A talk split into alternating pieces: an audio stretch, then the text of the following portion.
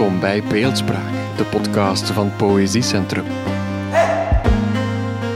In elke aflevering praten we met een dichter naar aanleiding van een recente dichtbundel. Elke maand met een andere dichter en een andere interviewer, maar altijd met heel veel poëzie.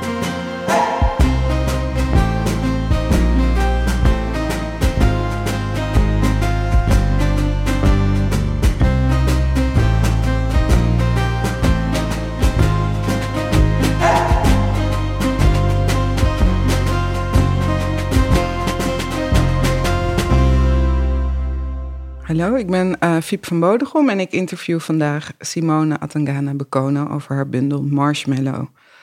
Simone Atangana Bekono is schrijver van proza en poëzie. Ze studeerde in 2016 af aan Creative Writing op Artes met een bundeling van gedichten en brieven getiteld Hoe de eerste vonken zichtbaar waren, die in herdruk verscheen bij Wintertuin Uitgeverij in samenwerking met Lebowski Publishers. In 2018 werd Hoe de eerste vonken zichtbaar waren bekroond met de Poëzie Debuutprijs aan Zee. In 2019 ontving ze het Charlotte Keuler Stipendium voor haar poëzie. De bundel werd onder andere naar het Engels, Frans, Spaans en Turks vertaald. In 2019 verscheen Hoe het voelt om van kleur te zijn bij uitgeverij Chaos. Een vertaling van Sora Neale Hurston's essay How It Feels to Be Colored uit 1928. Ingeleid door een briefwisseling uit 2017 tussen de schrijfster Christina K. Robinson vanuit New Orleans en Atangana Bekono vanuit Arnhem op dat moment. In 2020 verscheen haar debuutroman Confrontaties, die lovend werd ontvangen en werd bekroond met de Hebban Debuutprijs, de Anton Wachterprijs en het beste boek voor jongeren. Confrontaties gaat over een jonge vrouw die opgroeit op het Brabantse platteland en in reactie op het gepest en getreiter op de middelbare school terechtkomt in jeugddetentie. De roman bereikte de shortlist van zowel de Libris Literatuurprijs 2021 als de Bronzen Uil. Vorig jaar verscheen de Duitse vertaling en dit jaar volgt een Engelse vertaling en verschijnt het boek zowel in het Verenigd Koninkrijk als de Verenigde Staten. In 2022 verscheen de novelle Zo hoog de zon stond in samenwerking uh, met Tilt, later heruitgegeven bij de Arbeiderspers, dat ook lovend werd ontvangen. In de novelle keert een jonge, gedesillusioneerde kunstenaar terug naar haar geboortedorp in Brabant en logeert bij haar jeugdvriendin waarvan ze vervreemd is in een enorm en griezelig huis. Onafgebroken, blowend en drinkend langs het zwembad tijdens een verzengende hittegolf beginnen zowel de jeugdvriendin als het huis langzaam aan haar te knabbelen. Zo hoog de zon stond bereikte de longlist van de Libris Literatuurprijs in 23 uh, en dat jaar verscheen ook een drieluik korte verhalen met Daphne Huisten en Jaël van der Woude, getiteld Vlucht, Dans, Vondst, in samenwerking met uitgeverij Chaos. Ze schreef columns en essays voor meerdere kranten en tijdschriften en is redacteur bij literair tijdschrift De Revisor. Vorige week verscheen haar lang verwachte tweede poëziebundel, of ook niet zo lang verwacht aangezien de eerste bundel nog niet zo oud is, Marshmallow bij de Arbeiderspers. En dat is ook waarom we hier zitten in het Zuid-Afrika-huis op de Keizersgracht in Amsterdam. En uh, misschien kunnen we beginnen met een voordracht. Marshmallow bestaat uit vier afdelingen: Terra, Kamer, Zonder Kamer en Marshmallow. Het wordt ingeleid met een proloog die we zouden kunnen lezen als een soort poëtica. Simone, ja. zou jij met het open, openingsgedicht willen beginnen? Ja.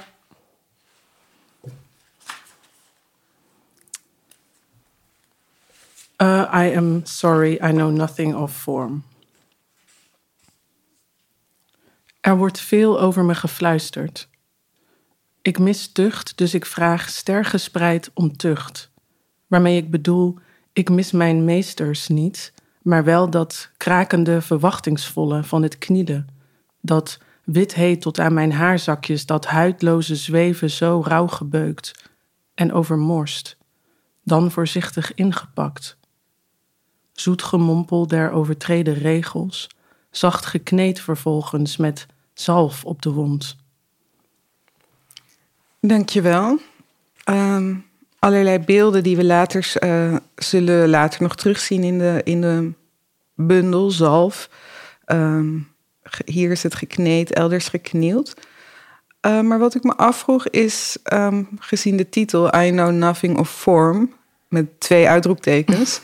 um, moeten we dit lezen als een poëtica of als een instructie uh, voor, de, voor de bundel die gaat komen? Mm, ik denk misschien wel een soort voorbode van de, de stem, de vrouwelijke stem, die later wat overheersender wordt in de bundel. Ik weet niet of het echt een instructie is voor de rest van de bundel, omdat voor mij er wel een. Um, het hoort voor mij vrij duidelijk bij haar. Ik wil natuurlijk niet zeggen dat er een soort. Uh, ik wil daarmee niet zeggen dat je het niet zo zou kunnen lezen, maar het, het is denk ik meer een voorbode, ja. Ja, voor soort van thema's die bij haar of beelden die bij haar ervaring terugkomen. Is het ook het gedicht wat je als laatste hebt geschreven? Um, ja, grappig. Uh, ja, wel in ieder geval vrij laat. Ik denk een van de laatste gedichten, ja. Ja, ja omdat ik in best wel compacte vorm heel veel echo's hoor van wat, wat er is. Um, ja, precies. Um, maar om misschien nog eerder te beginnen dan het openingsgedicht, de titel. Um, marshmallow is meer zoet, luchtig snoepgoed, maar het is ook een plant, in het Nederlands heemst genaamd. Onderdeel van de omvangrijke kaasjeskruidfamilie. ja. Die schijnbaar wat uh, taxonomische uh, verschuiving heeft gekend in de geschiedenis. Um, en de plant van, of de wortel van die plant werd gebruikt voor een slijmerig goedje uh, om bindmiddel te maken voor, voor um, het maken van marshmallow of in het oorspronkelijke recept. Ik weet niet of het nu, uh, nee, dus het nu nog steeds meer. gebeurt. Nee, heemst zit er absoluut niet meer in. Ik heb het opgezocht. Ja. Ah, oké. En de plant groeit uh, in sommige gebieden en dat sompige gebieden en dat zit ook in de, de marsh. Vanwaar deze titel? En heb je het over, ooit overwogen om het spekjes te noemen? spekjes niet. Dat zit ik denk ik dan weer te. Ik denk dat ik denk dat ik op een gegeven moment op marshmallow kwam, omdat het dus. Ik vind het dus iets, wat je, precies wat je zegt, het is meer zoet. Het groeit in zompige gebieden. En voor mij zijn dat allerlei dingen die. Die combinatie vind ik zeer onsmakelijk. um, maar ik denk dat, dat het dus een soort ding is wat van context afhangt. Want iets meer zoets en zompigs kan ook juist heel aangenaam, denk ik, zijn in bepaalde um, ik denk dat als je bijvoorbeeld kijkt naar um, soort van de, uh, de meer erotische elementen in de bundel, zou je het ook weer juist als iets aangenaams kunnen ervaren. En ik vond dus dat idee van een plant die, um, die iets zoets afgeeft in een omgeving die vrij onaangenaam is, vond ik dus wel interessant, omdat daar een soort aangenomen ja, daar zit iets. Het is niet paradoxaal, maar er zit iets in wat zowel aantrekkelijk is als afstotend. En ik denk dat de bundel daar veel mee probeert te doen. Um, en het is denk ik de eerste keer überhaupt ooit dat ik op een titel kwam, zelf meteen. Waarvan ik dacht: oh, dit, is, dit, dit werkt op een bepaalde manier ook. Uh, dit doet ook iets met de gedichten dat het zo mm. heet. Uh, ja, ik, ik vind titels altijd heel lastig. Ja. Dus een soort gelukkige ingreep of een intuïtie die je hebt uh, gevolgd. Ja, ja zeker. Um, en eigenlijk is dat echt de perfecte brug naar mijn volgende vraag. Mooi. Ik wilde je vragen um, om, een, om het gedicht Nomen est Omen mm -hmm. uit de tweede afdeling, die, en die afdeling heet Kamer, te lezen. Ja. Nomen est Omen. Ik weet het niet meer of je bestond. En als wat dan? Ja, wie was je? Wat als ik je langs de weg gevonden had zoals je nu? Een kreupele hond vindt een uitgewoond beestje. En wie was ik dan? Of ik dan ja wat? Een kapot scharnier in je deur? Wat als je eenzame bedoelingen had? Een kreupele hond vindt een uitgewoond beestje en het beestje doet alsof de hond veel kracht heeft. Kom, kom, Kom, kom, kom, want ik heb niks, dus je moet komen. Ik een knekelhuis, jij een monstertruck was. Nee, ik de monstertruck, jij een messy millennial woman was. Een poederroze rivier was. een mango met schil en al, een zakelijk contract. Mijn kwelgeest was, mijn verstoorde cyclus. Een optelsom, gestript toch, mierzoet bot. Dankjewel. Ik denk dat heel mooi wat je net zei over zoetigheid en zompigheid hier um, samenkomen. Mm. Um, in het gedicht Niet nomen est omen twee maar daarna, wat geen titel heeft, Ja. um, is er een episode uh, met, de, met een blo bloesemtak. Een hele lieflijke episode van iemand die in uh, de tram zo verliefd is en afgeleid raakt dat ze haar halte mist en dan bloesem plukt. En die bloesem vervolgens aan haar geliefde geeft die het inlijst met heel veel zorg en liefde. Um, maar de bundel is ook sompig. Er wordt gebroed in lichaam en ingewanden.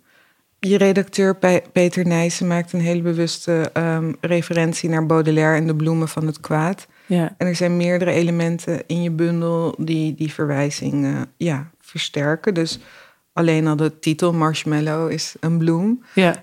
Um, maar ook um, andere bloemen komen erin voor. En uh, een hele liefelijke episode is die van, een, van uh, het lyrisch ik die een bloesemtak vindt en die aan haar geliefde ja. geeft. Um, maar die lome lieveling, uh, zoals, zoals ze bij Baudelaire heet, komt uit een reeks van de gedichten voor de Zwarte Venus. en dat wordt historisch gezien als een verwijzing naar of geïnspireerd op Jean Duval. Uh, dus ik vroeg me af wat voor jou die referentie doet of hoe je hem ingezet hebt in je eigen bundel. Ja, precies.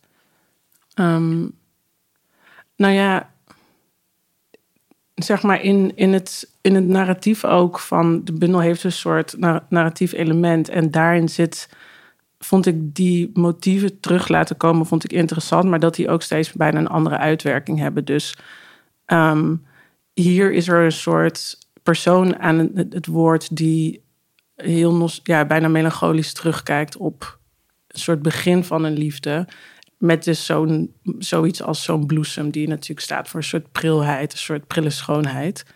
Um, maar um, er is ook iets gaande daartussen, wat ook volgens mij in het werk van Baudelaire uh, zit, is een soort, wat, soort raciaal component van wat wie wordt bezongen, wie de muze is en um, welke, welke beelden denken wij te delen die bijvoorbeeld daarin met anderen die we niet echt kunnen kennen, een soort, weet je wel, de ondoordringbaarheid van de ander of zo zou je kunnen zeggen, die misschien niet um, op dezelfde manier ervaren worden.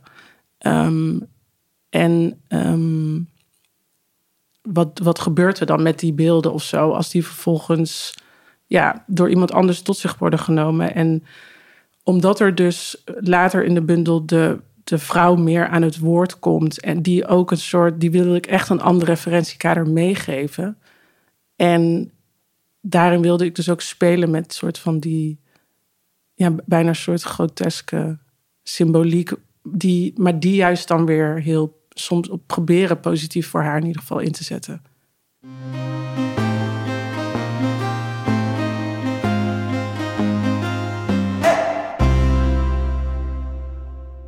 Um, misschien uh, uh, een sprong, uh, maar indachtig de titel van deze podcast, Beeldspraak.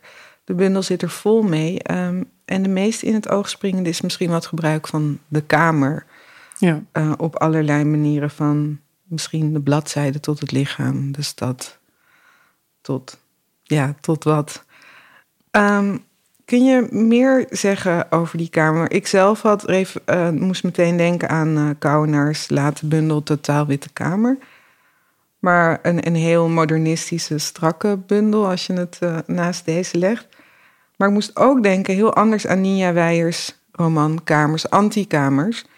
Um, die ik zou willen zeggen ook, of die gaat over uh, een breuk in een uh, romantische relatie tussen twee vrouwen. En aan het Oosterpark in het Witse huis plaatsvindt. Ja, Dus, ja waar ik woon inderdaad. uh, dus misschien, ik, misschien zij, doen kamers iets heel anders voor jou. Of doe je daar iets heel anders mee. Maar ja, kun je iets zeggen over die functie en ook die referenties? Ja, het grappige is dus dat ik... Um, mijn redacteur noemde ook Kouwenaar, maar ik heb dat dus nooit gelezen. Ehm, maar ik denk dat ik wel begrijp van waarom die, die link wordt gelegd. Ehm, en met kamers, antikamers is inderdaad ook... Ja, daar zit natuurlijk eenzelfde soort thema in. Dus het, het verbreken van een soort relatie en... En inderdaad, de, het Oosterpark. Maar dat is denk ik ook niet allemaal heel bewust soort. De bundel is daar niet een bewuste referentie aan.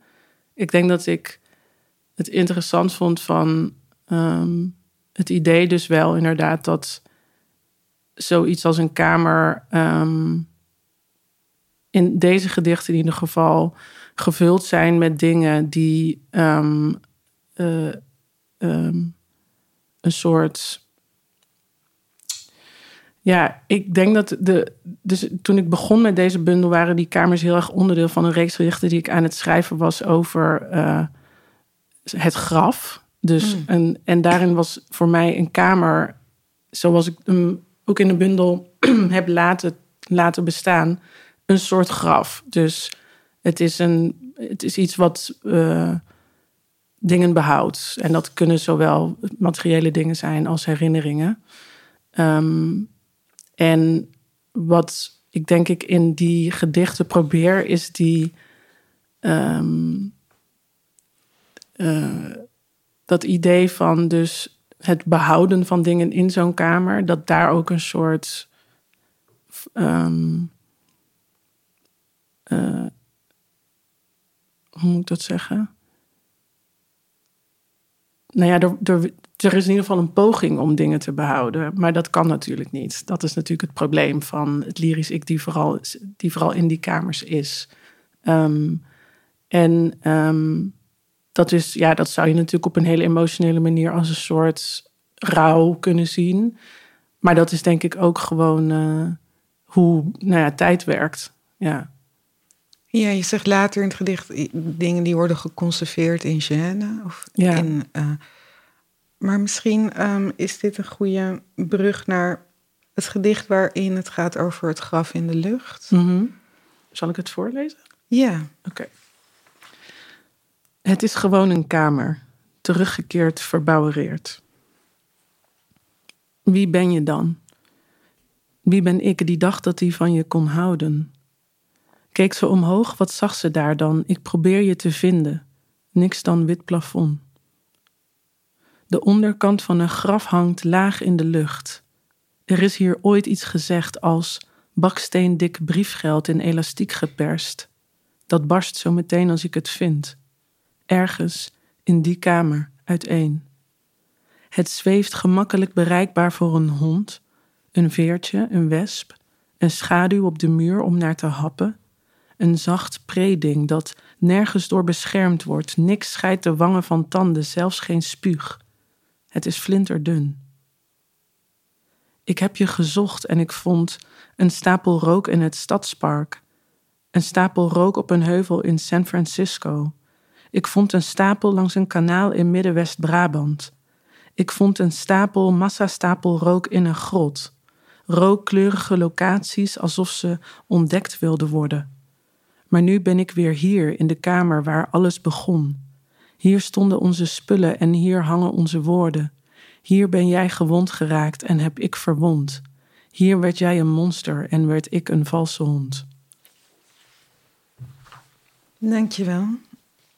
Um, in haar uh, recensie uh, in het NRC schrijft uh, Maria Bernas um, over deze bundel. Maar bovenal is er iemand aan het woord die de eigen contouren kwijt is. Elk gedicht opnieuw is, als, is het alsof er vanuit een wazigheid en aanwezigheid bevochten moet worden.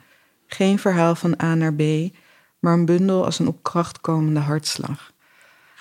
Um, en ze noemt twee dingen die ik heel interessant vond in die recensie. Eén, dat er een, um, een weggaan van het thema identiteit is. En één, een loslaten van narrativiteit. Hmm. Um, en ik vind het interessant, aangezien allebei die dingen nu in ons gesprek al naar voren zijn gekomen, maar op een ander, misschien op een ander niveau dan, dan verwacht. Of dan, ja. uh, en een van de andere elementen daarin is, is dat ik in, ehm, in dit gedicht uh, de onderkant van een graf hangt laag in de lucht. Meteen moest denken aan Paul Celan um, en zijn uh, Todesfuge, waarin een man woont in een huis. Um, dat begint met het graf, een graf in de lucht en uh, later is er een zin over een man die in een huis woont en speelt met slangen. En ook die slangen komen steeds terug ja. in de bundel. ja. ja. Dus ik vroeg me af het idee van um, dat identiteit als thema iets is wat herkenbaar is, maar waar jij misschien iets anders mee probeert te doen, zoals je net zei in die verwijzingen uh, van Baudelaire. Zie je dat meer in? Is dat een bewust iets waar je in je. Hoe ga je daarmee om in je schrijverschap, laat het zo zeggen? Dus het is iets wat je niet voorbij aan kan gaan, maar wat ook niet um, er niet in aanwezig kan zijn. Dus wat zijn de mhm. strategieën? Ja, ik denk dus inderdaad Ehm, ik denk dat ik het. Ehm, van, kijk, toen ik de eerste vonken zichtbaar waren schreef, toen was, het, was dat een soort centraal thema wat heel expliciet werd ingezet in de tekst. En daar zaten ook hele soort van zichtbare referenties en nou ja, uh, stijlmiddelen bijvoorbeeld in. En ik wilde eigenlijk ehm, iets voor mezelf inderdaad dus kijken van... oké, dit zijn dingen ik, waar ik ehm, in mijn werk altijd mee bezig ben... maar niet, um, niet per se als hoofdthema. Ik denk dat het... Uh, en vooral ook, ik wil ook binnen dat thema op een soort... Uh, kijken wat ik met dat gegeven kan doen. Dus stilistisch bijvoorbeeld, of in de beeldspraak. Kan ik dat bijvoorbeeld lostrekken van een soort gedeeld uh, narratief of een gedeeld um, gesprek over wat identiteit is en betekent? Omdat het natuurlijk onder de streep voor ieder persoon als je echt inzoomt op een persoons identiteit, valt het natuurlijk allemaal een brokstuk uiteen en is er juist geen coherentie. Um, en um, in de bundel denk ik dat ik dus op zoek was naar een soort manier om um, het er wel mee soort van van doorspekt te laten zijn zonder dat ik het expliciet maak. Maar, het is ook, maar ik wilde ook niet dat het de enige manier was waarop je de bundel kon lezen. Dat, vond ik, dat vind ik denk ik ook minder interessant. Ik denk dat. Uh, ik denk dat het juist spannend is om uh, het niet expliciet te maken. Um, en daarin ook geen aanwijzing te geven aan de lezer. Um, en het is dus grappig dat in dat opzicht, bijvoorbeeld voor Barnas, de, het, het, het identiteitsding, zeg maar, het thema. Um, omdat ik ooit had gezegd, ik hoef niet per se vergeleken te worden met mijn personages of zo. Of de bundel hoeft niet één op één gelezen te worden als een persoonlijk document. Dat dat dus een uh, afslag is. Alsof ik daar een afslag neem. Wat denk ik op een bepaalde manier wel klopt, maar ook, um, de, ja, ook niet, zeg maar. Um, en het andere element ging over. Uh, Narrativiteit. Ja, dat ik dus het idee heb dat er. Nou, ze heeft denk ik gelijk in de zin van dat ik dus niet op zoek was naar. Er zit, er zit natuurlijk heel los wel een sterk narratief in. Er is een hmm. soort, je begint ergens en, bij een breuk en je eindigt bij een soort, eind, soort eindpunt of een gekozen eindpunt van een transformatie. Um, maar um, ik denk dat het wel. Uh, misschien dat er geen reflectie plaatsvindt of zo. Ik weet niet zo goed uh, ik was wel heel intentioneel in alles, soort van alle elementen eruit slopen die een soort. Daar zat ik laatst nog over na te denken. Um, dat op het moment dat ik een, uh, uh, bijvoorbeeld iets wilde gaan verklaren. Hoe kennen deze personages elkaar nou eigenlijk? Wat, hoe is die relatie nou verder precies verlopen? Dat, dat heb ik er allemaal juist uitgehaald. Dat wilde ik eigenlijk helemaal niet. Um, ik wilde gewoon blijven bij een soort de meest intense of kernachtige ervaringen die ik daaruit kon distilleren en daar dan iets mee doen. Dus in dat opzicht is er inderdaad. Er zijn, ja, er zijn heel veel elementen van dat narratief natuurlijk niet aanwezig in de bundel.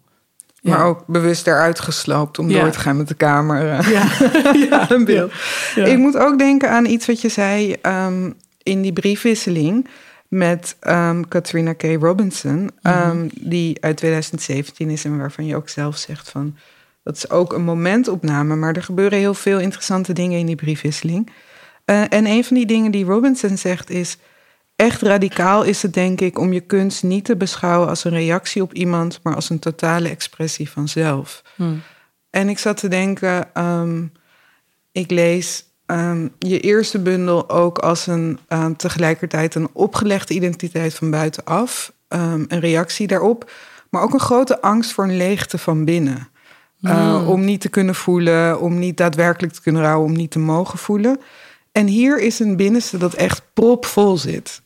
Ja, ja. Met organen, met, met verlangens, met, met van alles. Dus ik vroeg me af van, denk je dat het echt dat deze bundel misschien die stap doet naar een soort totale expressie van zelf? En die, ja, dat ook automatisch een stap is weg van um, richting identiteit, maar weg van identiteit als thema. Ja, precies. Ja, ik denk dat je daar wel gelijk in hebt. Ik denk ook dat de bundel daarom voor ehm, sommige mensen wel als een soort breuk wordt gezien met wat zij qua, qua poëzie in ieder geval van mij kennen. Ehm, en waar ik denk ik ook, um, waar ik wel weet ik nog uit de ervaring, of soort van wat ik me kan herinneren van de schrijvervaring, ook in het begin waar ik naar op zoek was, was een soort manier om dus de, de, ik denk dat de manier waarop ik dat heb geprobeerd te doen, is echt door heel specifiek te, zoeken, te zoeken naar specifieke registers. Waarin ik dus uh, uh, wel inderdaad al die dingen kon aanraken die ik wilde uiten. Maar waarbij ik me dus niet beperkt voelde tot inderdaad iets opgelegds. Um, waar ik me toen moet verhouden. Ik wilde me juist niet verhouden, denk ik. Um, ja, ja. Ja, en ik denk voor mij komt veel van deze dingen samen in misschien het thema straf mhm. of onderworpenheid, die zowel eh, kan gaan over identiteit als in die romantische relatie een rol speelt. Mhm. Ehm, er is een uh, hond die steeds terugkomt. Een hond zoekt een beestje ja. um, of vindt een beestje. Um, kun je iets zeggen over dat terugkerende? Ja, zelfs in het openingsgedicht ja, het gaat over tucht en meesters. Ja, gaat het over tucht en meesters? Uh, of dus, um, dus ik vroeg me af van, kun je iets zeggen over dat thema van onderworpenheid? Uh, ja. Zowel in de romantische zin als in iets wat over identiteit iets zegt. En straf zoeken, maar ook gestraft willen worden. Mm -hmm. Straffen en gestraft worden ja. tegelijkertijd. Ja, nou, ik denk dat daar... Um, dat, dat daar in je, in je vraag zit al een soort antwoord, denk ik. Dat dus voor mij is dat, wat ik dus heel interessant vond om te, om, om te kijken was van hoe kan ik die, stel je, nou ja, het, idee van een, een, tot een identiteit behoren die een soort onderworpenheid uh, ervaart, hè, door binnen een systeem, dan dat is ook een soort kennislandschap, zou je zo kunnen noemen. Dat is een, dat is een ervaring of een gedeelde ervaring, die, uh, waarvan ik me dus afvroeg van hoe kan je dit, of hoe kan dit individu uh, in dit geval, um, wat kan zij daarmee doen? Um, ook buiten soort van het, uh, zij zegt zelf, ik ben, ik ben volgens mij noemt ze zichzelf wel een slachtoffer, maar zelfs daarin dat bedoelt ze bijna grappend of zo. En, um, maar ik denk dat daar zit natuurlijk een element van macht. En dat element van macht komt altijd terug in het erotisch leven, denk ik. En ik was heel geïnteresseerd in dat ik me kan voorstellen dat soort van binnen mensen hun erotische ervaring, daar wordt altijd iets heel. Ik denk dat veel mensen het idee hebben dat daar iets heel kernachtigs oprechts en kwetsbaars wordt aangeraakt. Ehm, als ze zich daarin nou, vrij voelen om, om daarin ja, die expressie te hebben. Ehm, maar dat kan ook iets zijn waar je denk dat dat, je, dat dat vaak te maken heeft met juist datgene waar je je dus misschien uh, buiten, laat ik het zo maar zeggen, uh, heel, helemaal niks mee te maken wil hebben. Of je heel erg voor, tegen kan verzetten of voor kan schamen. En die spanning is dus. Daar zit dus een soort hele duidelijke spanning op. En ik denk dat daarom er ook wel soort bloederigheid en ook wel afval en dat soort beelden in de bundel terugkomen. Dat ik, omdat ik, ik wilde juist die gêne of die schaamte. Uh, zonder dat dat um, een soort heel psychologisch ding wordt van oké, als je dat kan doorbreken, dan ben je vrij of zo. Ik denk dat het juist niet met vrijheid te maken heeft, maar juist met, een, met het weten van de grenzen van de ervaring, de eigen ervaring. En daar, daar iets van te kunnen en of willen maken. Um, en um, ja, ik denk dat dat idee van die grenzen heel duidelijk naar voren komt in het beeld van uh, uh, het lichaam zonder hoofd. Ja. Um, en wat ik interessant vind, wat je eerder zei over dat er, dat er een idee is van dat dit een afslag of een breuk is. Het beeld van die vrouw zonder hoofd zit ook heel duidelijk in de novelle ja. uh, of in het verhaal um, Vondst. Ja. Uh, waarin je halverwege beseft dat de vrouw een lichaam en een hoofd is. Ja. Um, en ook passages over dat lichaam dat binnenste buiten wordt gekeerd als zowel een erotisch iets als, als een. Um, als een diefstal of een, of een, een beroving uh, zit ook heel duidelijk in uh, zo hoog de zon stond. Ja. Um, dus misschien um, een andere vraag. Uh, van waar de keuze om sommige materiaal tot poëzie te verwerken en ander, ander materiaal tot proza? Um, dat is in dit geval heel uh, praktisch geweest. ik was met de bundel bezig tijdens deze twee, uh, toen ik deze novelles schreef. Ik heb allebei een opdracht geschreven. En, of tenminste de novelle en, de, en het korte verhaal. En bij het korte verhaal vond ik het dus. Uh, toen, ik denk dat toen het soort van erotische aspect in de bundel terecht begon te komen. Want dat zat er in de eerste instantie denk ik wel in. Maar ook, ik wist nog niet hoe ik dat wilde toepassen.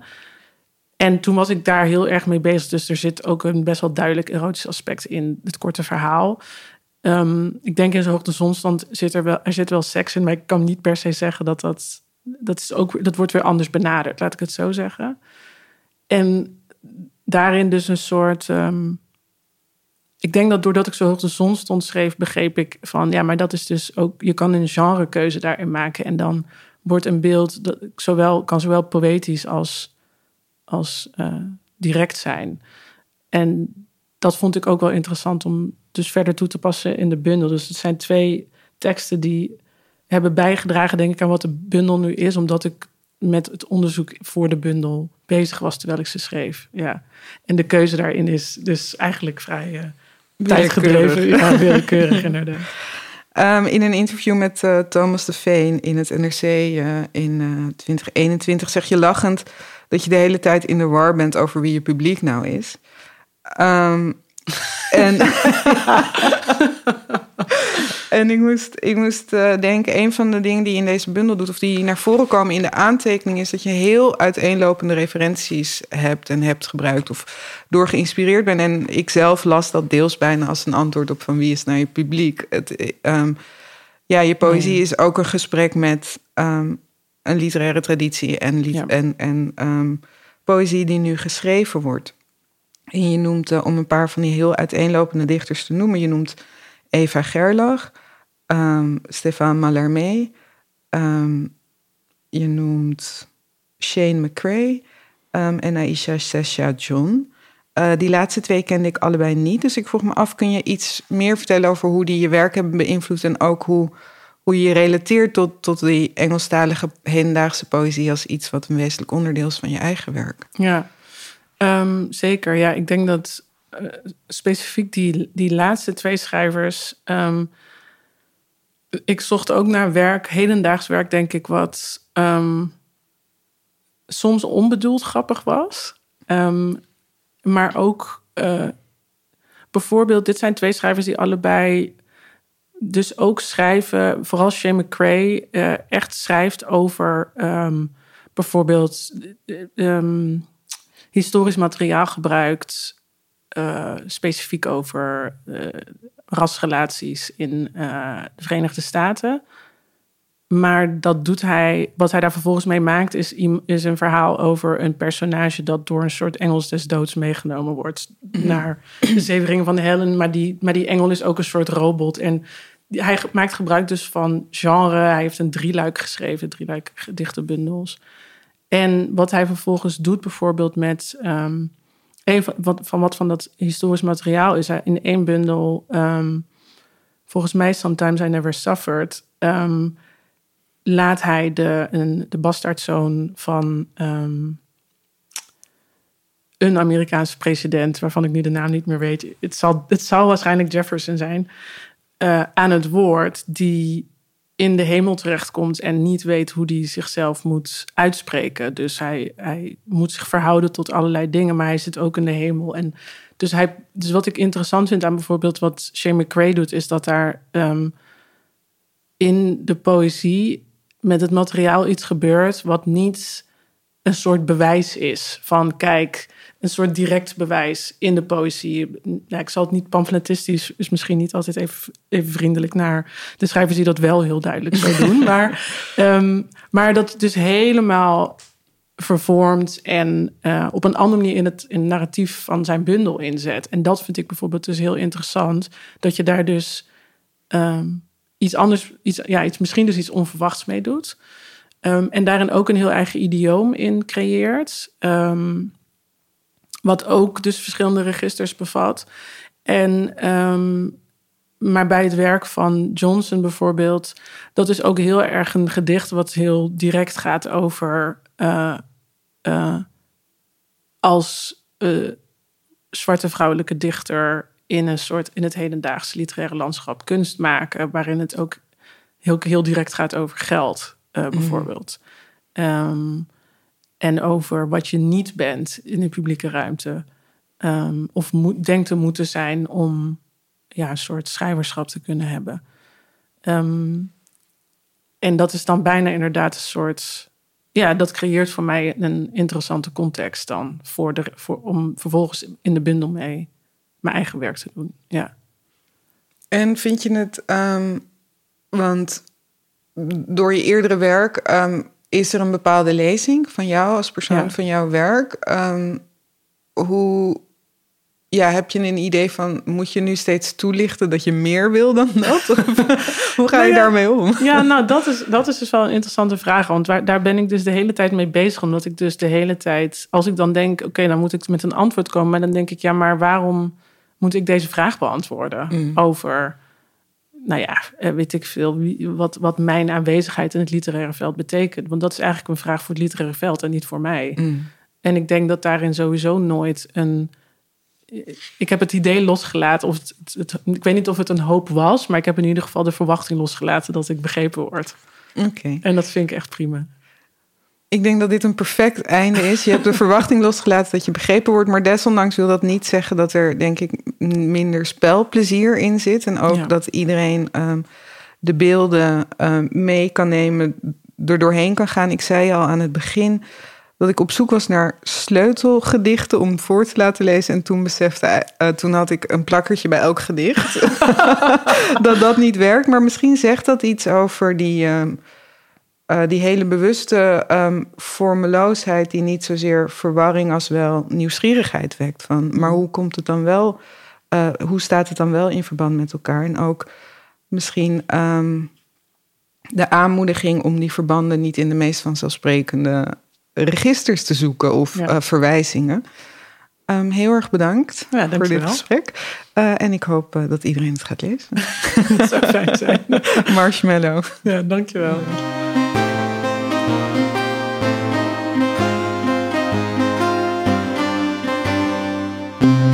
De podcast Beeldspraak is een initiatief van Poëziecentrum. Ben je ook benieuwd naar de andere afleveringen van Beeldspraak? Volg ons dan op Spotify, iTunes of Soundcloud of surf naar poëziecentrum.be.